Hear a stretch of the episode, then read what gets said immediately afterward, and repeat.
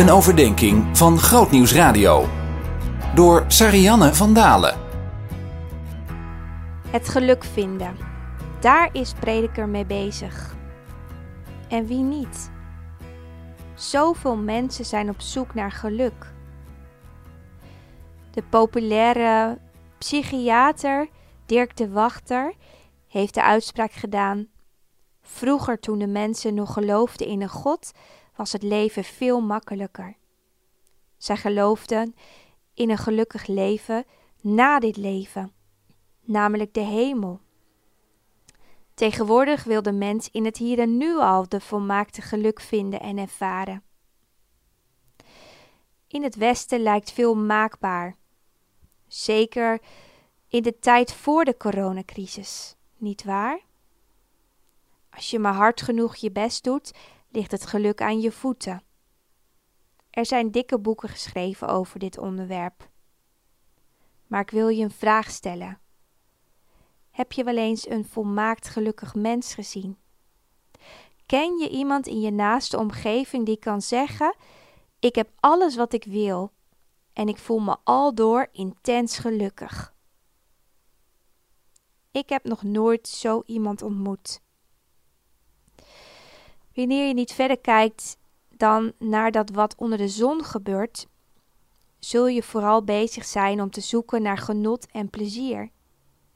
Je energie zal opgaan aan werk en prestatie. Gezondheid wordt een obsessie.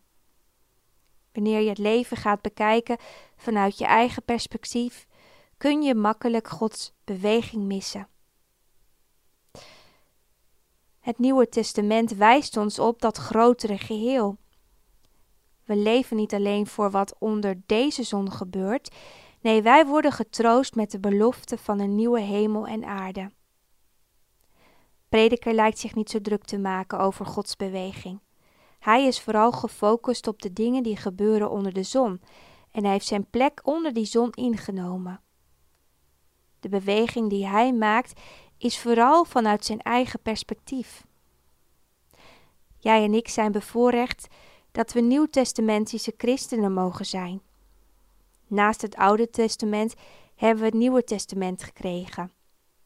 Daarin lees je veel over Gods koninkrijk, dat met Jezus in onze wereld is gekomen. Een koninkrijk waarin we nu al onze plek mogen innemen. Binnen dat koninkrijk is het heilzaam en goed om ook de aardse vragen van prediker te stellen. Want het zijn hele actuele vragen, ook voor jou en mij. Prediker, een boek die je verder wil helpen. We zullen de aankomende tijd een aantal keren stilstaan bij zijn wijsheid. Zien in nog een podcast?